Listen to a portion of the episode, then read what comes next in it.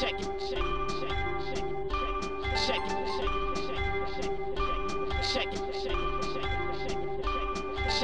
Robert Kubica trzeci w Zolder. Czy to podium ociepli jego wizerunek w środowisku motosportowym? Duże zamieszanie na rynku transferowym. Dokąd trafi Perez? Co z George'em Russellem? Czy Mazepin znajdzie miejsce w Formule 1?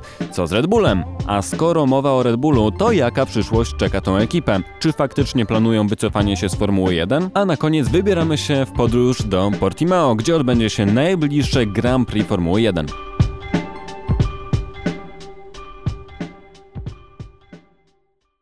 Dzień dobry wszystkim po raz kolejny. Codrive.pl. Witamy się z Wami Aldona Marciniak, Cezary Gutowski i Jasiek Olejniczak. Jesteśmy po, myślę, bardzo dobrym weekendzie wyścigowym z Robertem Kubicą i przede wszystkim z tego się cieszymy. Zanim usłyszymy, co Robert mówi, to krótkie pytanie do Ciebie, Cezary. Była chwila szczęścia? Mhm. Tak, ale chwila to dobrze y, powiedziane. W sensie, że był momencik taki, żeby się pocieszyć, żeby się zespoły pocieszyły. Y, Robert, y, jak to on z radości nie skakał, ale widać było, nie potrafił ukryć tego do końca, że jest też zadowolony, chociaż pewnie by chciał. Natomiast potem to już było tylko szybkie pakowanie, bo po dwóch weekendach z rzędu po prostu zespół się no, szykował do wyjazdu do domu, więc w zasadzie tak naprawdę głównie to się wszyscy pakowali. Robert wyjechał, nie wiem, gdzieś koło półtorej godziny góra po przejechaniu linii mety, już siedział w samochodzie i, i pojechał swoją drogę na testy e, covidowe przed wyjazdem na Formułę 1 mm, do Portugalii, więc e, no, nie było celebracji, tak? Świętowania nie było. A powiedz mi, bo ja jestem ciekawa, jak to w ogóle wyglądało ta druga połowa wyścigu w garażu, bo na sam koniec widzieliśmy, że to była też duża radość dla zespołu, że oni naprawdę wszyscy się bardzo cieszyli, bardzo wyczekiwali tego. A ty tam byłeś w środku. Czuć było to napięcie, gdy Robert jechał do mety? Nie, nie było napięcia. Szczerze mówiąc, był taki duży spokój, takie oczekiwanie.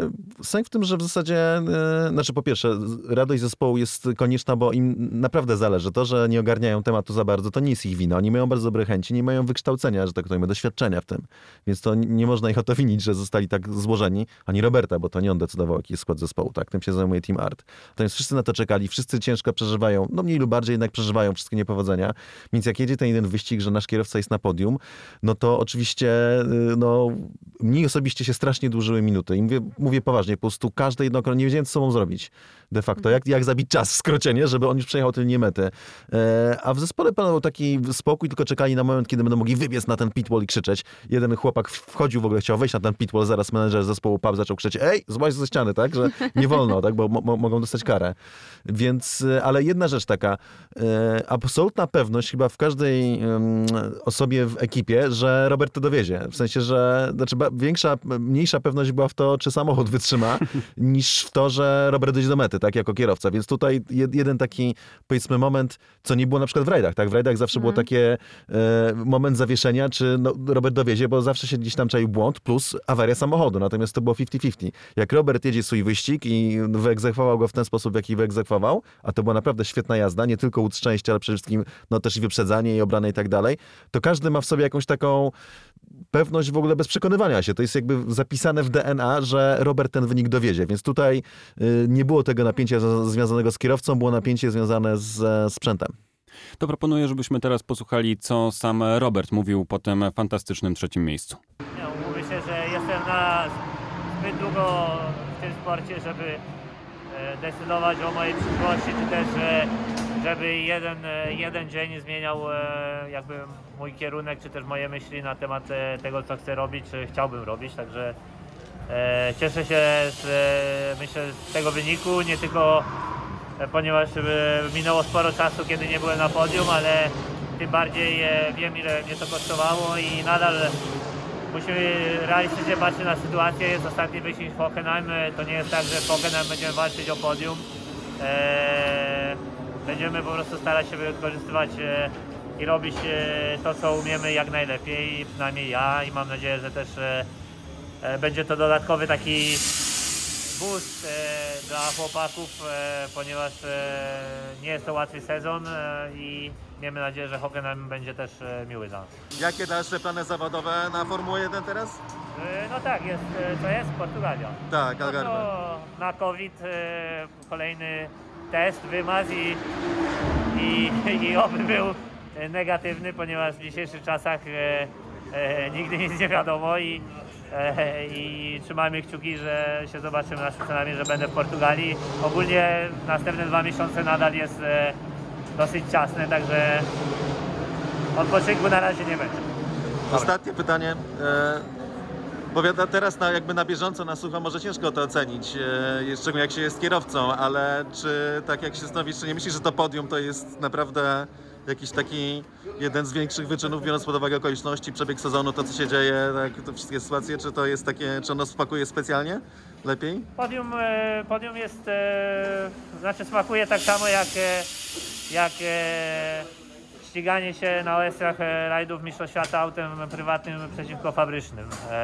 Mało ludzi wie o, co, o czym mówię, a i mało roz, ludzi to rozumie, ale ściganie się jakby w sytuacji, w której ja jestem za zespołami, autami fabrycznymi jest trochę trudniejsze i myślę, że można to porównywać właśnie do tamtych czasów. I klasyczna, myślę, narracja ze strony Roberta. Cieszymy się, bo ciężko się nie cieszyć w takiej sytuacji, ale jednak trzeba zachować e, spokój i wiedzieć, że ten ostatni weekend, który jest e, przed nami, wcale nie zapowiada się tak kolorowo jak e, ostatni wyścig.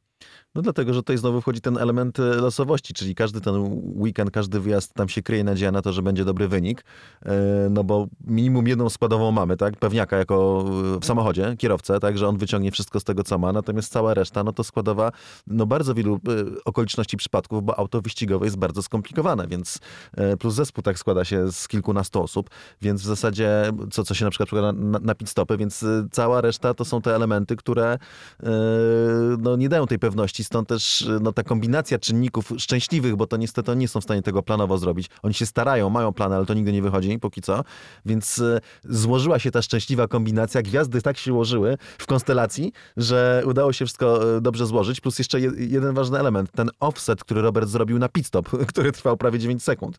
8,9 sekundy, plus jeszcze się Lizak nie podniósł, tak? Czyli sam podjął decyzję, że rusza, czego normalnie się nie robi. E, no to wszystko udało się wypracować e, w tym jednym układzie w ten jeden dzień, tak? To był czwarty weekend wyścigowy, e, znaczy inaczej, weekend nie czwarty, ale czwarty dzień wyścigowy na Zolder, czyli poprzednio sobota, niedziela i teraz sobota, niedziela i dopiero teraz w tym jednym momencie nagle wszystko zadziałało, wszystko się złożyło w jedność, więc no statystycznie nie jestem specjalny od statystyki, ale może jest tak, że powinny być dwa takie weekendy statystycznie w sezonie. Mhm. To wtedy możemy oczekiwać, mhm. że na Hockenheim znowu coś takiego się uda. Natomiast zdrowy rozsądek podpowiada, że że to podium, tak jak i Robert powiedział, tak, że w tym konkretnym wyścigu, w tym układzie było tempo na podium, ale co do zasady, no gdyby kilka samochodów więcej dojechało do mety, no to podium by nie było. A nie masz poczucia, że yy, pomogła wymiana silnika? Trochę, ale yy, sam, znaczy, bo to znowu, wyścigi to jest element bardzo wielu składowych. Tu wiesz, yy, trochę, yy, zaczyna się od sekund, potem są dziesiąte sekundy, a na końcu są setne i tysięczne. I to już te setne i tysięczne zazwyczaj wychodzą z kierowcy albo z ciśnienia w oponach, czy okrążenia przygotowującego. Tak więc y, y, Silnik był jedną z tych, co powiedzmy dawała dziesiątę, jak sądzę. Dajmy na to za dwie dziesiąte na okrążeniu, to jest naprawdę mega dużo. Czy na tam jedną dziesiątą to już też było bardzo dużo przy tych małych różnicach. Natomiast faktycznie Robert przyznał, że ten silnik e, lepiej jedzie, że ten motor działa lepiej i to jest zresztą silnik, który oni też mieli, bo to był silnik e, zespołu, zapasowy. E, natomiast też nie wysiadł, nie powiedział, ojej, w ogóle dzień i noc, tutaj nagle mam silnik. Nie było takiej reakcji. Po prostu mm. on był trochę lepszy, ale wydaje mi się, że ten czynnik złożenia samochodu od początku, czyli coś, co teoretycznie właśnie nie powinno zadziałać, to największe ryzyko, że nagle zostaną dwie śrub, śrubki na tacy, nie? I będą się zastanawiali, z jakiego to miejsca te dwie śrubki, e, że to, tu zespół się spisał znakomicie, w sensie, że złożył samochód, który był w stanie dojechać do mety i wygrywać. Natomiast to, co jest interesujące, e, i zastanawiające. Ja nie wiem, bo, bo, bo, może to był żart. Natomiast e, jak tam siedziałem, pracowałem w, w tym takim biurze w autokarze zespołowym i robiłem swoje rzeczy, co użyczono mi miejsca, za co jestem wdzięczny, to wszedł jeden z e, mechaników i powiedział, że zabawne jest to, że nadal nie wiedzą, dlaczego nie działa push to pass i DRS. Ja nie wiem teraz, czy on żartował, czy to było poważnie, ale wolałem nie drążyć tematu, po prostu patrzyłem w monitor i udawałem, że nic nie słyszę. Ale właśnie co do samej ekipy, ja bardzo e, zwróciło moją uwagę to, co mówił przed chwilą Robert, że ma nadzieję, że będzie to podium, że będzie to dodatkowy impuls dla chłopaków z ekipy, bo nie jest to łatwy sezon. Myślicie, że faktycznie takie podium e, jakoś doda werwy przed tym ostatnim weekendem i chłopaki uwierzą, że są w stanie faktycznie, pomimo tego, że dużo rzeczy nie poszło po ich myśli, to jednak złożyć auto, które jest konkurencyjne? To są rzeczy niemierzalne, ale to ma ogromne znaczenie. Atmosfera w zespole ma ogromne znaczenie i podejście ludzi i ten duch zespołowy to są naprawdę bardzo ważne rzeczy. Mi ja byłem młodszy, mi się wydawało, że to jest taka mowa trawa. Każdy przychodzi, robi swoją robotę i tyle, nieprawda. To naprawdę Mm. e, jest taka dodatkowa energia w tym e, i chęć i sprawia, że ludzie się jeszcze bardziej starają. E, tak samo jak i premie w Red Bullu pod koniec sezonu, tak? Bardzo sowite, legendarne, zawsze rozdawane. To są takie czynniki, które budują zespół. Przede wszystkim to, to no, team, tak? E, udaje się. Każdy, każdy e, normalny człowiek a nie wszyscy jesteśmy normalni, no ma w sobie jeszcze dodatkowe 5% takiej chęci w ogóle, on tego, on jej nie dodaje, tak? To jest, e, to nie jest planowane, to jest po prostu ta energia, która się w człowieku rodzi.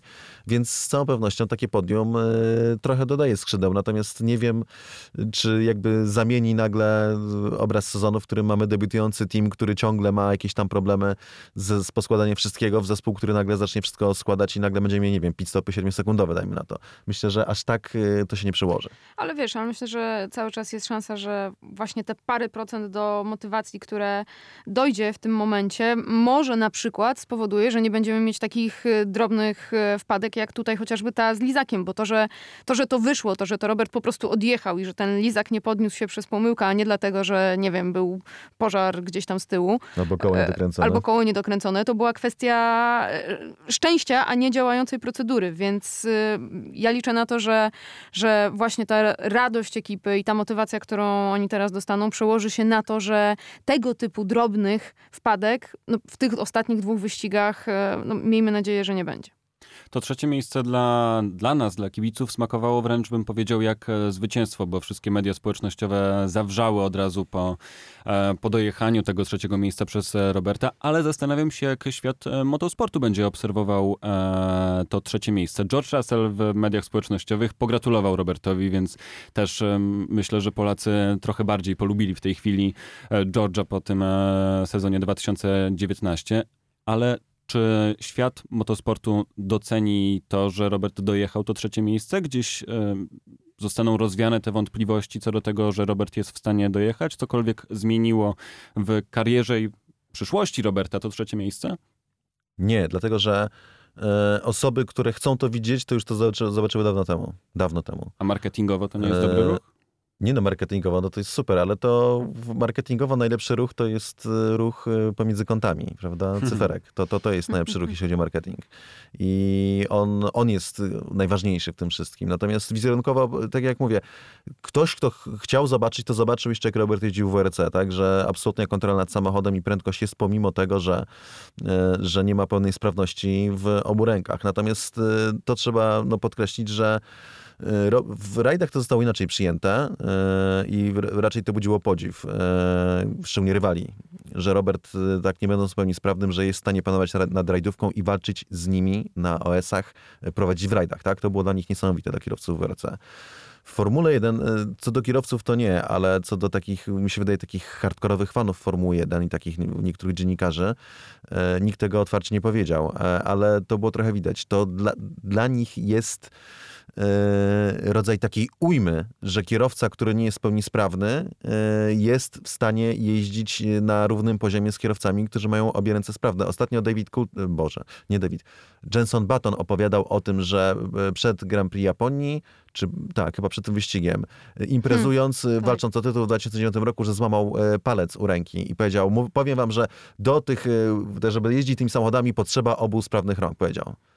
No nie do końca, dlatego że Robert udowodnił, że, że wcale tak nie jest. Natomiast to jest taka ujma i, i, i takie, szczególnie takie osoby typu Petrolhead. I szczerze mi się na tym kojarzy tak naprawdę Joe Saward. Te, takie, on tego nigdy nie powiedział, ale szczerze, to jest na Jak osobowości. tylko zacząłeś mówić o tym, że są w padoku takie osoby, to stanęła mi przed, y, przed, przed oczami sylwetka Josa Warda, z którym gdzieś tam rozmawialiśmy w Abu Zabi chyba. Tak, tak. E, I mu się w głowie nie mieści, że w tak niesamowitej dyscyplinie na szczycie sportu motorowego, że może przyjść kierowca, który y, będzie w stanie walczyć z innymi kierowcami, mimo tego, że nie jest w sprawny. I to jest generalnie moim zdaniem, to, tego się nie mówi, bo to jest niepoprawne politycznie, e, ale bardzo wygodnie było spojrzeć bardzo wielu osobom w padoku, że jednak Robert to się pokazało, że się nie nadaje, a nie, że Williams się nie nadaje, tylko że Robert się nie nadaje. Tylko dlatego, że to podkreśla tezę, że jednak, żeby jeździć tymi boskimi samochodami yy, na, w tej boskiej kategorii i żeby wejść do tego Parnasu, yy, to trzeba yy, być w pełni sprawnym, bo, bo inaczej to by- jakby uwłaczałoby yy, w pewnym sensie wizerunkowi tej kategorii. Mi się wydaje, że, to jest bardzo ważny czynnik w tej całej yy, układance i w tym postrzeganiu tego, yy, jak Robert tak naprawdę sobie radził w Williamsie, a biorąc pod uwagę okoliczności, radził sobie naprawdę dobrze, co pokazał w takich wyścigach jak, jak Monte Carlo, jak Singapur, czy zdobywając jedyny punkt do Williamsa w momencie, kiedy zawiódł George Russell, tak? Czyli ten, ta perła brytyjskiego motorsportu młoda. Tak więc y, to no, ni- niestety to jedno trzecie miejsce to, to nikogo nie przekona, kto nie chciał być przekonany wcześniej.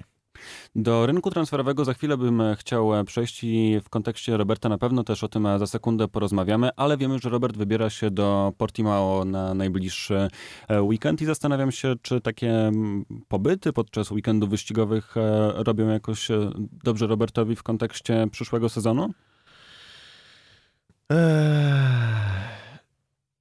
Myślę, że to nie ma takiego większego znaczenia. Znaczy, Robert nie potrzebuje za bardzo tutaj e, jakiegoś dodatkowego bodźca, tak, żeby chcieć być w przyszłym sezonie. Natomiast e, też wydaje mi się, że e, zespół nie wykorzystuje w pełni e, tego, co Robert ma do zaoferowania.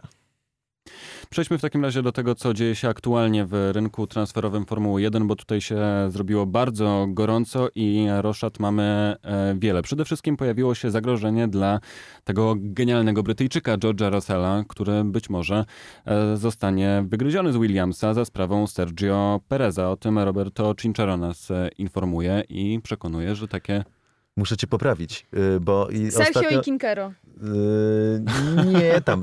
Dobra, a, ty, a ty też mówisz, dlatego że siedziałem ostatnio y, w ciężarówce. I, y, tak, y, ostatnio w niedzielę, znaczy w sensie, że byłem- tam w, w pokoju i rozmawiam tam z, z Robertem, tak ze znajomymi na temat to jakieś tam nasze padokowe te i mówię Kinkero, a Robert się śmieje. Wie czego się śmiejesz? Mówi, bo mówi się jak Polak, mówi się Kinkero. No proszę bardzo, proszę bardzo. I możemy teraz dyskutować na temat wymowy. Sergio, Sergio i tak dalej. Nie da się wypowiedzieć e, imienia, Dobrze, nazwiska no ale nie każdego kierowcy prawidłowo w jego ojczystej mowie. To jest niemożliwe. A już o kierowcach to jedno, bo jest 20, jak masz piłkarzy, więc Dobra. czepianie się komentatorów... Kinkero. Kinkero. Czy, czy, czy, czepianie się komentatorów o to, że jakieś imię czy nazwisko wypowiadają nie tak, jak sobie wyobrażasz, że powinni, Dobrze. jest abstrakcją. Tak, ja właśnie y, przypomniałam sobie, jak kiedyś byłam w Holandii, gdzie, gdzie mieszka moja przyjaciółka i ona sprowadziła swoją przyjaciółkę z kolei, Holenderkę i czym się zajmujesz? No Aldona, ja Formułą 1. A, no to mamy świetnego, świetnego kierowcę, Verstappen. Ja, Ale poprawia Dobra. się, mam nadzieję. Pani, Verstappen, gdzie? Jaki Verstappen? No co? No, w każdym razie, e, w każdym razie rzeczywiście e, jest, e, jest, jest, jest teraz gorący czas dla George'a Russella, a jak do tego doszło? Otóż em, początek tej układanki to jest oczywiście Racing Point i fakt, że Sergio Perez nie ma, Sergio, nie ma miejsca na, na, przyszły, na przyszły sezon. Em, przez, Sergio rozmawia oczywiście z innymi zespołami. Jest jakaś opcja może w Red Bullu, która jest oczywiście najbardziej atrakcyjna, o tym zaraz jeszcze porozmawiamy. Druga opcja to jest Haas. Natomiast tam się sytuacja zaczęła zagęszczać, ponieważ o ile mało prawdopodobne w tym momencie wydaje się, że pozostaną e, tak naprawdę obaj kierowcy, czyli i Romain Grosjean i Kevin Magnussen są tutaj niepewni swoich miejsc. O tyle z mocnymi papierami wszedł e, nagle Nikita Mazepin z mocnymi papierami i z Sensu dużą stricte. walizeczką. tak, To są te mocne papiery. to są te papiery. E, więc, a Günther Steiner potwierdza, że takie rozmowy mają miejsce. Pytanie, co z drugim miejscem e, w Hasie, bo tutaj możliwy scenariusz jest taki, że Has będzie chciał e, zawęzić swoją współpracę z Ferrari i zrobić coś, czego do tej pory nie robił, a więc oddać jeden kokpit y, juniorowi Ferrari, tak jak e, mamy to miejsce w Alfie Romeo. Wtedy to mogłoby być miejsce dla Mika Schumachera. Jeżeli taka układanka się ziści, to w tym momencie Sergio Perez może szukać e, miejsca w Williamsie, który to Williams pod wodzą nowych e, właścicieli w tej chwili ma prawo um, zmienić zasady umowy z George'em Russellem, bo wiemy, że Claire Williams gdzieś tam w czerwcu potwierdzała, że George Russell zostanie na 2021 rok, natomiast teraz właściciele są nowi, a nie ma takiego kontraktu, którego w tym momencie nie dałoby się złamać. I takim to sposobem, jeżeli taki scenariusz by się nam ułożył, to faktycznie może nie być miejsca dla Russella w przyszłym sezonie. To zanim omówimy jeszcze kwestię George'a, bo wydaje mi się, że warto ją rozwinąć, eee, to wróćmy do tych, bo już mamy trzy, trzy ekipy nagle wmieszane. Eee, A jak? Formuła okay, 1. Okej, okay. więc e, puzzle, puzzle, ja rozwinę układamy. rzeczy, których ja się dowiedziałem też mhm. mając kontakt z e, osobami, które regularnie przybywają w padoku Formuły 1.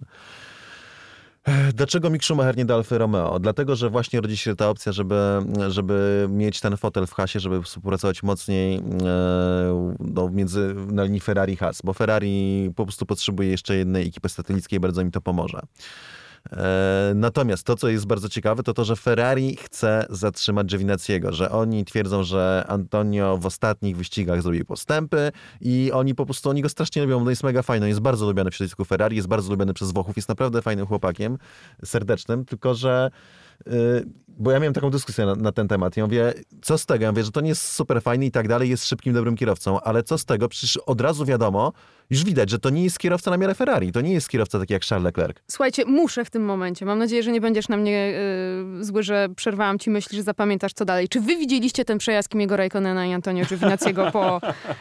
Już wiem, że Jasik widział. Czy ty widziałeś? Widziałem fragmenty, było dość zabawnie, ale nie wiedziałem, czy bardziej się śmiać z tego, jak bało się Antonio, czy z tego, jak y, jechali yy, Więc... konserwatywnie. Tak to ale wiecie, to są, to są takie rzeczy, yy, może to się wydawać yy, śmieszne. Ja się, ja się płakałam ze śmiechu. Oglądałam to kilka razy, naprawdę.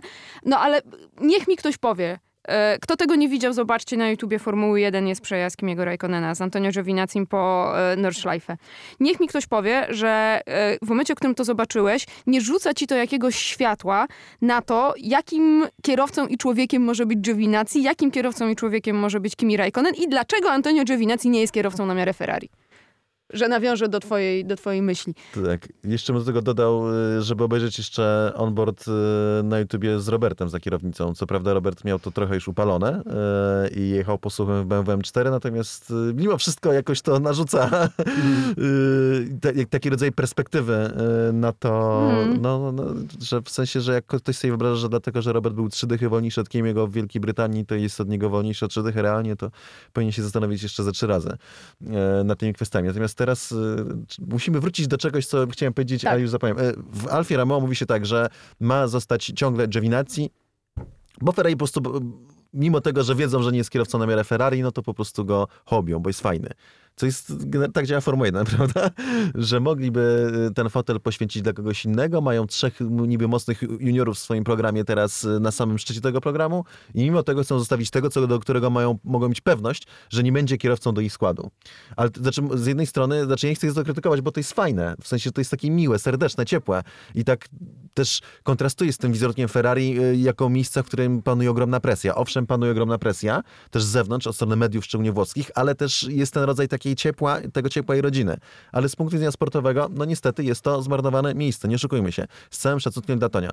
Y, znajoma dziennikarka włoska powiedziała mi, ale zaraz, przecież Formuła 1 to nie tylko Lewis Hamilton, y, Max Verstappen i Charles Leclerc, że są jeszcze inni kierowcy i że na nich też musi być miejsce. No, Niby tak, ale dlaczego trzymać się tylko tego, o którym wiemy, że on nie będzie tym Hamiltonem, tak? Dlaczego nie spróbować w tym miejscu Schwarzmana, dajmy na to, tak? Czyli juniora Ferrari, który sobie mega dobrze i po prostu no, robić ten przemiał kierowców, żeby potem nie zostać z ręką w nocniku, żeby potem się nie okazało, że chcemy, potrzebujemy kierowcy i wiemy już, że Tonio nie będzie dla nas dobry, ale nie wiemy, czy będzie dobry Schwarzman, bo nie sprawdziliśmy, bo Tonio był fajny, żeśmy go w samochodzie zostawili.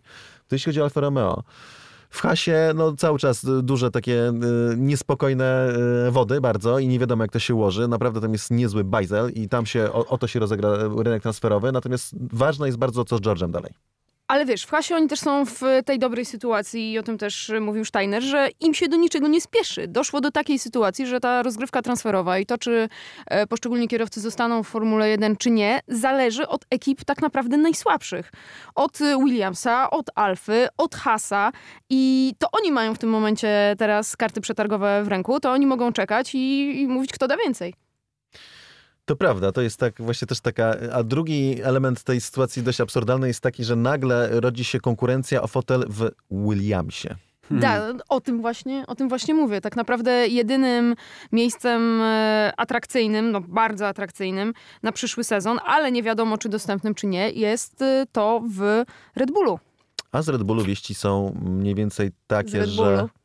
Tak, z Red Bullu. Sta, sta, sta, Że duży ból jest. Jemu oczko się urwało temu Red Bullu, e, że e, oni teoretycznie no, chcą tego Albona, ale tak naprawdę szukają e, człowieka na miejsce Albona i już e, oficjalnie doktor, doktor Helmut powiedział, to wymienił trzy nazwiska, e, Pereza, e, Tak, tak, Hulkenberga?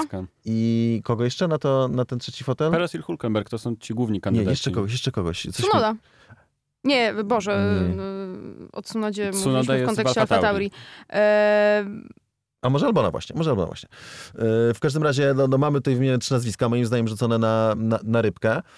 Yy, I mamy fotel w Alfa Tauri. I teraz układ jest taki, że no Pierre Gasly z całą pewnością, bo oni chcą, żeby był liderem tej ekipy i chcą, żeby Alfa Tauri nie było e, tym zespołem takim dzieckiem i satelickim, tylko żeby było siostrzanym zespołem, żeby miał równe prawa, żeby być może w przyszłości walczył z Red Bullem. Ja w to nie wierzę, mówiąc szczerze. W momencie, kiedy dojdzie do, do, do tak mamy lidera Maxa Verstappena e, w Red Bullu i lidera Pierre'a Gasly w Alfa Tauri, okaże się, że Alfa Tauri jest lepsze od e, Red Bulla, nie ma mowy, żeby e, zgodzono się na to, żeby Pierre Gasly przeszkadzał Verstappenowi. To w ogóle nie wchodzi w grę. Nie wierzę w to.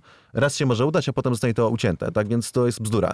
E, I druga rzecz, jaką słyszę, to, żeśmy sami o tym już rozmawiali, tak naprawdę po zwycięstwie Gasliego, że Gasly realnie szuka miejsca wyjścia z Red Bulla, z rodziny Red Bulla, że Gasly szuka miejsca w Renault. E, tylko jeszcze nie na przyszły sezon raczej to się nie uda, chociaż nie wiadomo jak się te klocki poukładają, ale nie na przyszły sezon, tylko że po tym roku e, w Alfie Tauri, gdzie on ma to miejsce na pewniaka, nawet nie dlatego, że oni by go chcieli zostawić, bo czytając te wypowiedzi, czy słuchając doktora Helmuta i tego, i, e, i Hornera, tak, czy, czyli szefów, e, no, no, Marko to w ogóle nad całym Red Bullem, nad, o, no, o, o, o, obydwiema ekipami ma pieczę tak naprawdę, Horner nad Red Bullem, to Gasly to nawet słaby jest, nie? W sensie, że to boli wszystko łatwo jeździ, a Gasly go to, no szczerze, takie można, nie, oni by go nawet wywalili, ale nie są w stanie tego zrobić wizerunkowo. Tak samo, jak ciężko jest im wizerunkowo zatrudnić Pereza, myślę, że tutaj mam rację z tym trafem, dlatego, że Perez to kierowca, który wnosi budżet i oni uznają, że to jest poniżej ich poziomu, żeby zatrudniać kierowcę, który nosi budżet w Red Bullu. Jestem przekonany co do tego, że to jest Mhm. bardzo ważny czynnik dla nich. Więc oni ma, tym się kierują, więc e, Gasly ma pewne miejsce w Alfa Tauri, bo nie będą potrafili wytłumaczyć przed światem, dlaczego go wyrzucają z zespołu. E, natomiast drugi fotel, e, to jest ciekawe, dlatego, że e, Yuki Tsunoda jest bardzo Tsunoda. blisko Formuły 1 i to też na to zwracałem uwagę ostatnio. W momencie, kiedy ma e, zagwarantowany nie tylko test młodych w Abu Zabi w nowym samochodzie, ale też przygotowanie do tego testu w dwuletnim samochodzie w najbliższym czasie, na Imoli zdaje się, to są bardzo poważne plany, żeby to nie jest tak, że sprawdzimy, czy się nadaje. To są plany takie, że e, on ma jeździć w zespole, chyba że coś wypadnie. To jest na tej zasadzie. Więc e, na ten fotel bardzo mocno jest Tsunoda. Bo Rodzi się pytanie, co zrobić z Albonem, jeżeli trzeba będzie go zastąpić? Czyli co dla Albona koniec końców może się okazać, że nie ma w ogóle miejsca w Formule 1. Słuchajcie, prawda jest taka, że Albon, e, mm, jest takie ładne, ładne powiedzenie po, po, po angielsku, e, it's his to lose. E, To znaczy on, on, on jedyne co może, to może ten, ten fotel przegrać, bo tak naprawdę jeżeli nie będzie tak dramatycznie, dramatycznie zły, to on tam zostanie. Bo oni chcą mieć wymówkę, oni chcą zrobić wszystko, żeby, żeby go na tym miejscu zostawić. Gdy e, Marko mówił o tym, mówiliśmy o tym e, ostatnio, że nikt nie byłby bliżej niż e, 30 do Maxa Verstappena, no to mamy mniej więcej jakiś taki zakres e, referencyjny, w którym gdyby Albon chociaż był blisko tych 30, to z ich punktu widzenia to jest, e, to jest robota wykonana. E, Więc Red Bull chce podjąć tę decyzję gdzieś do e, Grand Prix Turcji, Mm, więc są jeszcze te dwa, może trzy wyścigi dla Alexa Albona, żeby odwrócić tutaj e, tę sytuację, żeby przypieczętować to, właśnie odwrócić sytuację, żeby przypieczętować to miejsce w Red Bullu, bo tak naprawdę styl zarządzania Red Bulla, e, to jaka jest ich filozofia, to co jest dla nich ważne, sprawia, że nawet jak mają pod nosem mm, coś e, lepszego, to, to, to Fernando wolą... Alonso? Na, na To się przykład. szczycą, że nie wzięli Fernando Alonso, bo mają swój Mhm. zajebisty program, że tak przy, brzydko powiem, e, kierowców młodych. Dokładnie, to wo- wo- wolą to ominąć i trzymać się za wszelką cenę swoich pomysłów. Ja wiem, jak zrobić te trzy dychy. No, spowolnić Verstappena. Tylko, że Max sobie nie da zrobić. W sensie, że on to z, z nim, z nim nie, takiej No gry tak. to nie, nie ten, nie uskuteczni się, bo to po prostu cały świat się od razu dowie i on tam ich po prostu udusi. Bo on, szczerze, no jest Bogiem w tej ekipie. Jest prawie tak y, boski w Red Bullu, a może i tak samo, jak Lewis Hamilton w Mercedesie. Z tą różnicą, że Lewis Hamilton jest generalnie w ogóle rządzi całą Formułą 1, a Max Verstappen tylko Red Bullem. Wracając do rodziny Mercedesa, cały czas najważniejsze pytanie. Co z George'em Russellem? To właśnie. y, czytałam taki, y, taki, ym, takie ujęcie tej sprawy. Bardzo mi się to spodobało. Że tak naprawdę z punktu widzenia George'a Russella wypadnięcie na rok byłby, byłoby całkiem dobrym pomysłem, bo e, gdzie by wylądował? Wylądowałby oczywiście w Mercedesie jako kierowca rezerwowy i testowy. Dostałby e, trochę jazdy, może w e, testach. e, Na pewno. pe- no, I na to nie tylko w Mercedesie. Dostałby... Także w Racing Point, znaczy w, w, Mhm. Aston Martinie. pracowałby w e, symulatorze, byłby przy mistrzowskiej ekipie i już, już mamy, mamy George'a Russella pod e, swoim e, płaszczykiem. A biorąc pod uwagę, co się dzieje i fakt, że Nico Hulkenberg e, wystąpił w e, trzech wyścigach e, roku, nie mając, nie mając tutaj miejsca, to wiecie, też wcale nie jest to takie kompletnie wykluczone, że na jakimś etapie któraś z ekip nie potrzebowałaby zastępstwa, i wtedy, jeżeli Williams by potrzebował zastępstwa, Aston Martin by potrzebował zastępstwa, Mercedes by potrzebował zastępstwa, kto... McLaren. O, McLaren, dokładnie. Do kogo idziesz? Do George'a Russella. I w tym momencie może się okazać, że George Russell ma większe szanse na pierwszy punkt w Formule 1, a cały czas ich nie zdobył, nie jest to za chlubny rekord, e, będąc poza składami Formuły 1 na przyszły sezon, niż zostając na przyszły rok w Williamsie. To jest Czyli- niemal pewne moim zdaniem, że jest niemal pewne, biorąc pod uwagę, jak się sytuacja rozwija, że kierowcy rezerwowi znowu wyjdą w ruch, e, jeśli nie w tym roku, to w przyszłym. Tak? W sensie, moim, moim zdaniem, to jest nie- nieuniknione. Że teraz pozycja kierowcy rezerwowego jest bardzo ważna. Najważniejsze jest to, żeby być kierowcą rezerwowym w jak największym zasięgu zespołów i silników. I tutaj George Russell byłby naprawdę dobrej pozycji, choć z całą pewnością bardzo, bardzo, bardzo by tego nie chciał. On by się wolał ścigać, co do tego nie Hmm. mamy cienia wątpliwości. Natomiast chcę tylko jeden zrobić taki, e, bo miałem takie refleksje. Jeździłem sobie długo samochodem sam, głupie myśli mi przychodziły do głowy. E, Zastanawiałem się nad tym, e, nad tymi wypowiedziami Toto, które są bardzo logiczne. Dlaczego e, Mercedes nie będzie sprzedawał silników Red Bullowi? Bo mają cztery ekipy, już się nie wyrobią, już nie obrobią jakby, żeby robić dla piątej ekipy. I oprócz tego, że to wykazało im, że marketingowo to się nie opłaca być dostawcą silników w ogóle, więc dlatego założyli tym fabryczne w ogóle i tak dalej, i tak dalej. Wszystko to są świetne argumenty, ja je przyjmuję i tak dalej. Natomiast zacząłem się zastanawiać, hmm, Biorąc pod uwagę, że to tak, tak rozbudowuje jakby swój zasięg, tak te swoje macki w tym padoku coraz bardziej na wszystkie strony i że jest mu na rękę, że McLaren będzie jego klientem i będzie miał silniki Mercedesa, Przecież pięć ekip to jest połowa stawki, to jest wszystko, czego chce Toto. I zacząłem zastanawiać, czy gdyby po silniki Mercedesa zgłosił się Haas, Hmm.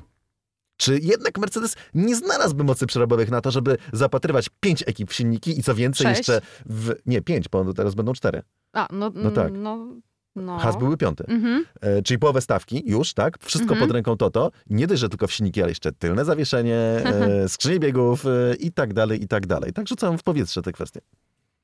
To byłoby na pewno wszystko bardzo e, intrygujące, ale ja teraz szybko doszedłem do takich wniosków, że bardziej komfortowe jest tak naprawdę bycie w przyszłym sezonie kierowcą rezerwowym niż, e, niż e, aktualnym. Czyli zgadzasz się ze mną. Masz do wyboru trzy ekipy tak naprawdę do ścigania się.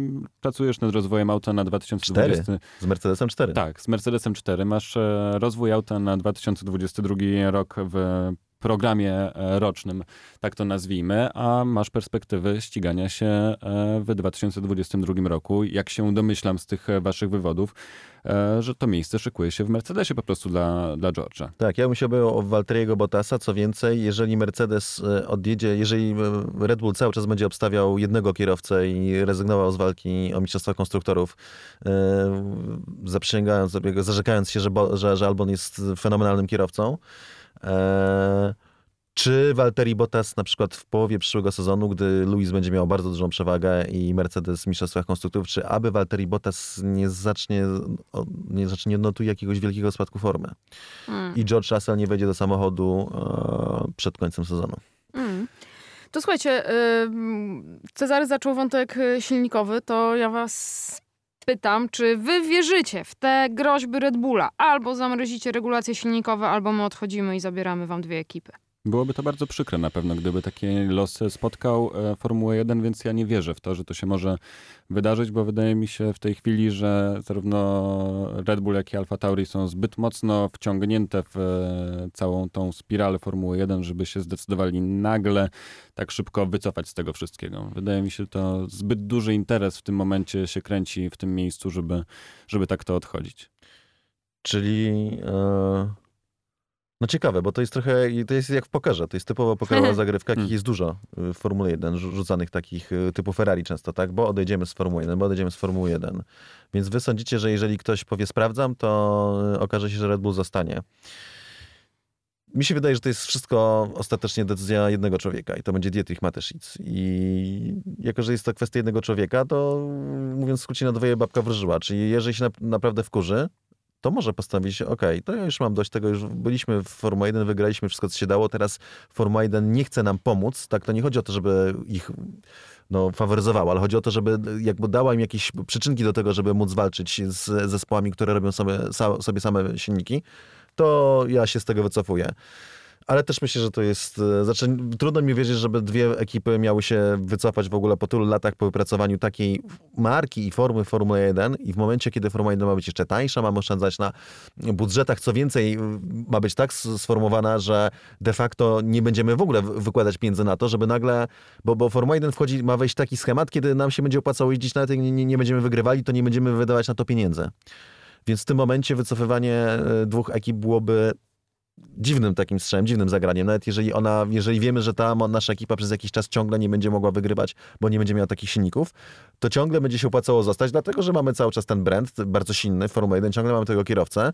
E, Znaczy, o ile nie odejdzie, tylko nie wiem, gdzie miałby odejść Max, więc e, też mi się wydaje, że to, że to nie nastąpi. Natomiast sprzedaż, e, myślę, że sprzedaż Alfa Tauri, na- nadchodzi naprawdę dobry moment, żeby sprzedać ten zespół, dlatego że e, no, coraz więcej chętnych, tak? Coraz dobry więcej synów ma bogatych tatusiów, ściga się, w, no tak, w, w Formule 1 i coraz więcej tatusiów chce dla tych synów kupić zespół Formuły 1, więc Alfa Tauri. O, o Alfa Tauri. No dobrze, e, moi drodzy, e, jakby powiedzmy też e, trochę o co tutaj się em, toczy gra, jeśli chodzi o e, zamrożenie silników i dlaczego inne ekipy tego nie chcą. Znaczy, oczywiście nie chcą te ekipy, które, które są słabsze, czyli, czyli Ferrari, bo cały czas w obecnych, w obecnych przepisach silnik jest cały czas tym obszarem, który możesz bardzo, bardzo rozwinąć. I dobrze to analizował Automoto und Sport mm, niemiecki, że Jak zwykle, nie? świetne tak, źródło. tak, to prawda, że no, takie zamrożenie silników miałoby sens i można byłoby to próbować forsować, gdyby różnica pomiędzy poszczególnymi producentami wynosiła 10 koni mechanicznych. W tej chwili wynosi 30-50. E, I tak naprawdę nawet jeżeli... Za dużo, o wiele za dużo. O wiele za dużo. I tak naprawdę nawet jeżeli dasz kolejny czas na rozwój silników, to to nie będzie tak, że e, Ferrari nadgoni, a inni zostaną w miejscu. Nie, to będzie tak, że Ferrari pójdzie do przodu, Mercedes pójdzie też do przodu, pójdzie bardzo do przodu.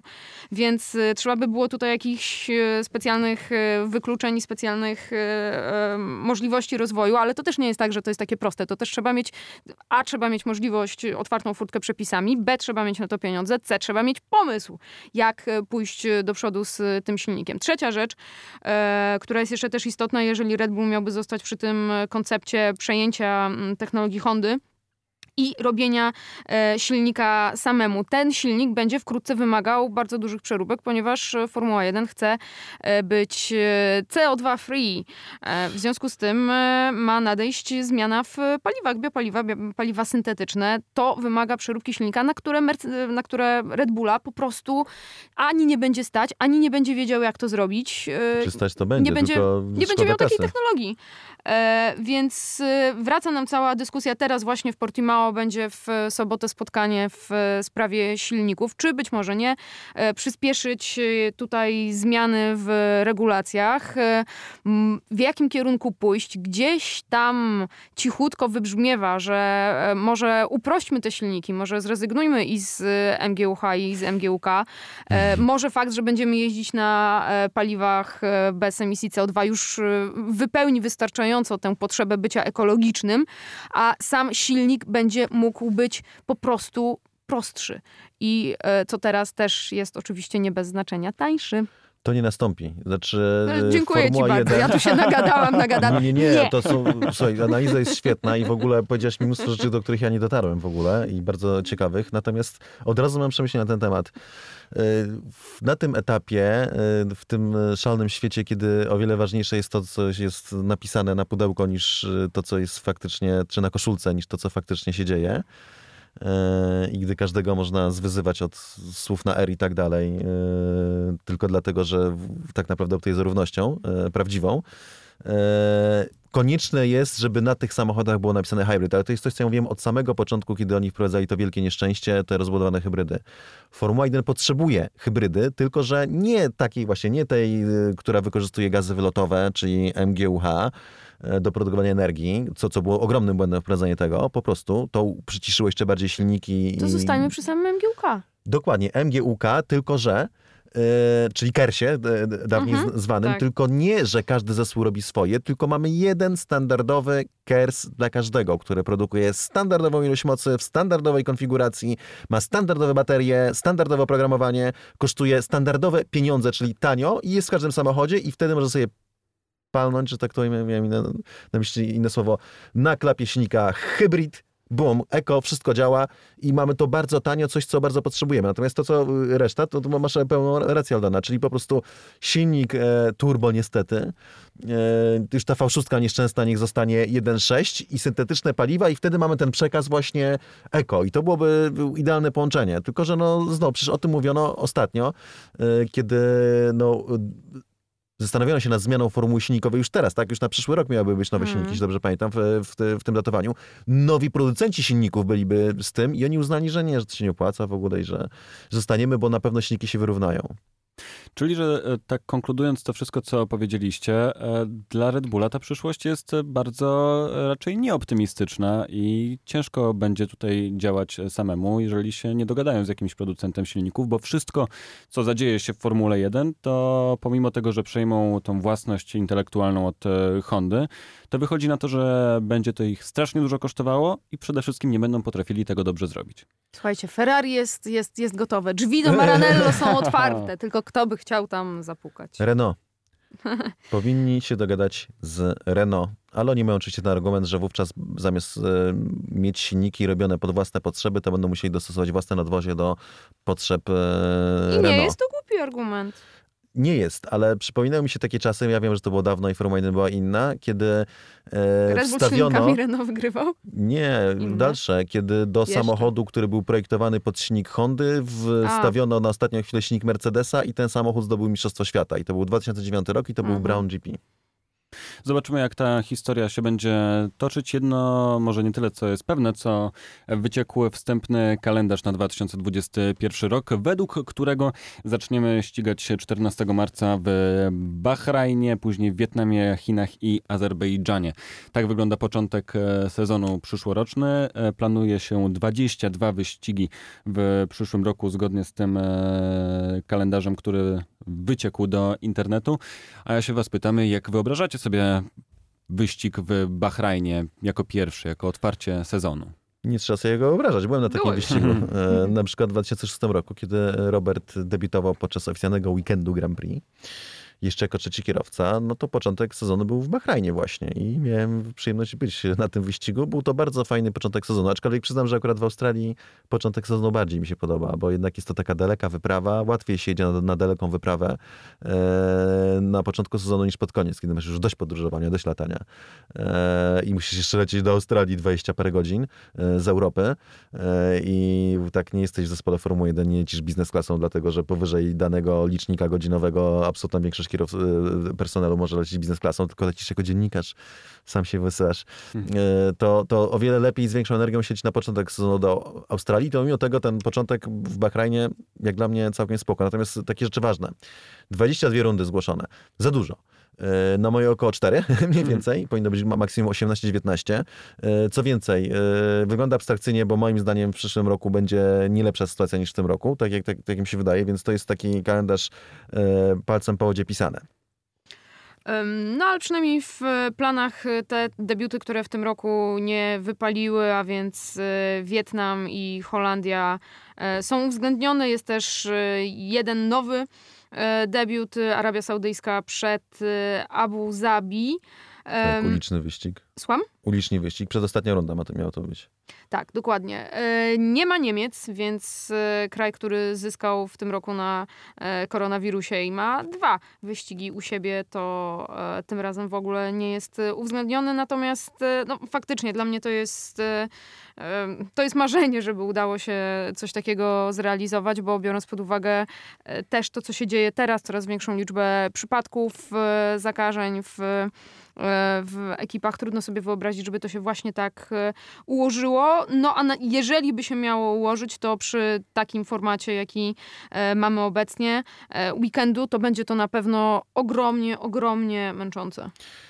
Ponadto Hiszpania, która miała już e, dawno temu wypaść, znalazła się w kalendarzu. Mnie natomiast e, martwi pozycja Azerbejdżanu w tym kalendarzu, dlatego że z tego, co ostatnio słyszałem, to właśnie trwa tam wojna. E, Co oczywiście, znaczy, to, pamiętajmy, ten kalendarz to jest e, symulacja i to mu e, jakby odbiera dużo wiarygodności. E, Natom, szczerze, nawet właśnie obecność, obecność Azerbejdżanu trochę, trochę że się, się zastanawiać, czy w ogóle powinniśmy o tym rozmawiać, mówiąc szczerze, biorąc pod uwagę, że teraz, hmm, no ale okej, mamy jakiś tam plan kalendarza, 22 wyścigi, one generalnie są złożone całkiem, całkiem e, logicznie, o tak to ujmijmy. To jak przyszły rok będzie wyglądał, to jeszcze na pewno Formuła 1 oficjalnie będzie nam e, więc przejdźmy do tego, co na pewno się wydarzy, czyli następny weekend w Portugalii. Nowy tor dla kierowców. Valtteri Bottas już e, mówił, że będzie ćwiczył na symulatorze w domu. Tak samo George Russell e, twierdzi, że się przygotowuje w domu bardzo solidnie i e, uczy się toru. I ja was pytam, e, czy nowość znowu na torze, na którego bardzo dawno kierowcy nie widzieli, bo od dawna się tam nie ścigali, czy coś znowu nam ma szansę namieszać? Czy możemy się spodziewać jakiejś powtórki rodem z Mugello może?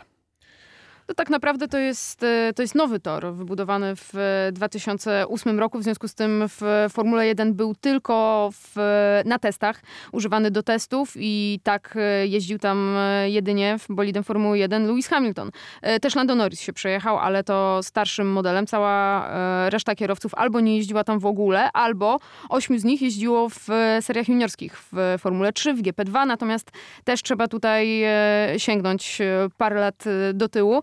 Nie zmienia to faktu, że jest to tor, na który jestem pewna, że ci, którzy mieli okazję go poznać, to wrócą z wielką radością, bo jest trochę podobny do Spa, tak się go e, porównuje, ze względu na dużą ondulację terenu, ze względu na szybkie zakręty, jest też szeroki, więc możemy mieć nadzieję, że e, będzie tam trochę wyprzedzania. Na pewno będzie to spora frajda dla kierowców. De facto jest też podobny trochę do Mugello. Mm. E, no ja miałem przyjemność jeździć po tym torze w ogóle. Kiedy? A jakieś 3 lata temu na prezentacji Mercedesa AMG. To była E-klasa e, E63 e, Plus. Mhm. Mega dobre auto, swoją drogą, naprawdę kawał dobrego samochodu. Jak na taką kolubrynę po prostu się Mhm. fenomenalnie lekko prowadzi i faktycznie jest to tor, który daje ogromną frajdę z jazdy już nawet z zwykłym samochodem, tak? Bo w porównaniu z bolidem Formuły 1 żadne AMG, no to widać na obrazkach, jak jest, jedzie samochód bezpieczeństwa, tak? To jest AMG GTR. Mm, Chyba najbardziej ekstremalny teraz Mercedes do kupienia w salonie i jakby jak on y, pogina po zakrętach, y, czy po prostych jedzie z- na, na, na, na pełnej, pełnym gazie, to z tyłu kierowcy mówią, że z, dlaczego on tak wolno jedzie, że nie mogą dogrzeć opon.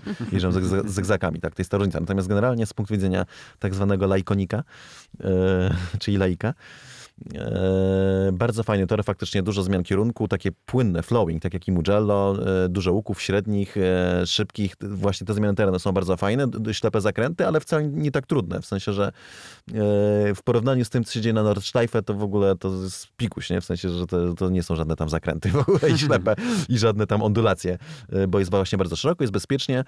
E, Natomiast dużo fanów dla kierowców z całą pewnością właśnie ze, względu na te sekwencje, podobnie jak i na Mugello i ze względu na zmiany wzniesień, więc przypuszczam, że będą takie entuzjastyczne wypowiedzi, że wrażenia z jazdy bardzo fajne. Natomiast znowu no brak jakiejś takiej naprawdę długiej prostej, takiej, znaczy jest długa prosta, ale takiej, no, tak, tak jak w Chinach na przykład, takiej, że naprawdę macie gwarant, że tam pojedzie, że się zdąży znudzić do końca tej prostej. E, To takiego miejsca nie ma. No i dyskusja na temat pierwszego zakrętu. E, To George, który tam jeździł Formułę 3 i też tam testował właśnie dwuletni bolid e, Formuły 1, zresztą re- e, Mercedesa, jak i Nicolas Latifi swoją drogą. I to było chyba w 2018 roku, czy ja- jakoś tak testowali. Mówi, że dziwi go wybór pierwszego zakrętu, że to jest zakręt, w którym będą problemy z limitami toru, że powinni wybrać inną nitkę toru, która no, tworzy taką sekwencję prawie jak w Bahrajnie zakrętów z przodu.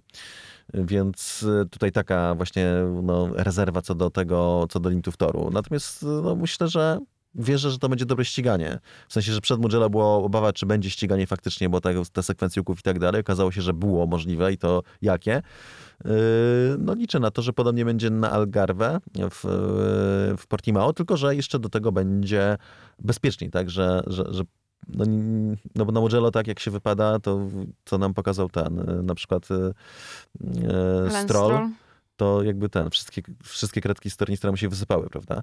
E, I prawie wróciły na drugą stronę. Więc powiedzmy, że na Algarve jest trochę tam lepiej pomyślane pod kątem tych stref ucieczki, bo to jest, tak jak mówił Aldona, nowy tor. Poza tym super fajny w ogóle rejon, jeśli chodzi o Portugalię, który, y, który znamy oboje tak z rajdów z Aldoną. Mm. Ale przy okazji wyścigu na tym konkretnym torze byliście, czy, czy nie odwiedzaliście tego obiektu?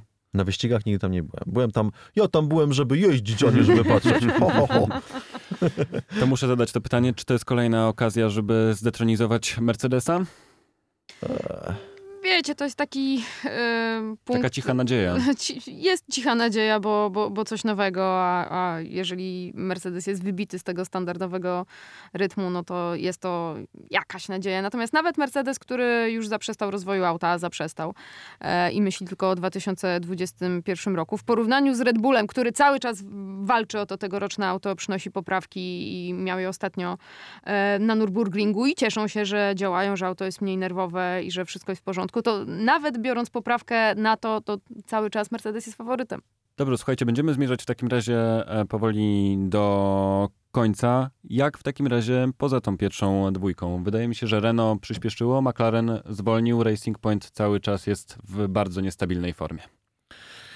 Myślę, że ująłeś to w zasadzie w, w samo sedno. Znaczy Racing Point jest y, wśród tych ekip ekipą o największym potencjale, ale właśnie o nierównej formie z takich czy innych przyczyn y, często operacyjnych, to, że mają tam pe- pecha covidowego i nie tylko, tak, bo te choroby też i Lansa Strolla i też wydaje mi się, że e, Sergio Perez jest wyry, wybity z rytmu trochę w związku z tym, co, co, co się stało z jego miejscem w zespole.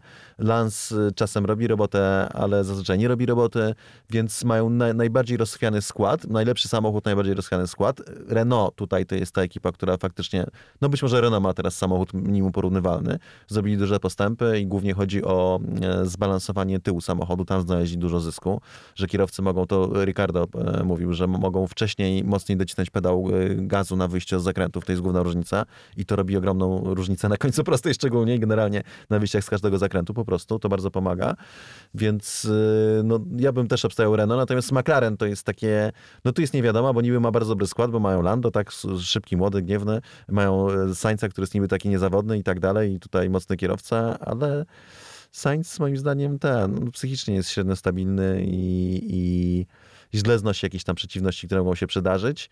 Im bliżej mu do Ferrari, plus jeszcze no, to, co zrobił e, w Rosji, waląc ścianę, to jest, no szczerze, to jest po prostu dla mnie ta, Sainz mi się już do końca e, życia mojego, mam nadzieję, jak najdłuższego, będzie się kojarzył głównie z tą ścianą w Rosji. I być może to jest właśnie to jego brzemię, dzięki, przez które będzie musiał tak e, strasznie cierpieć i się e, stresować, ale oczywiście wszystkim życzymy e, jak najlepiej i śledzimy najbliższy weekend w Portimao. Dziękujemy wam bardzo za dzisiaj. Eldona Marciniak, Cezary Gutowski i Jasiek Olejniczak.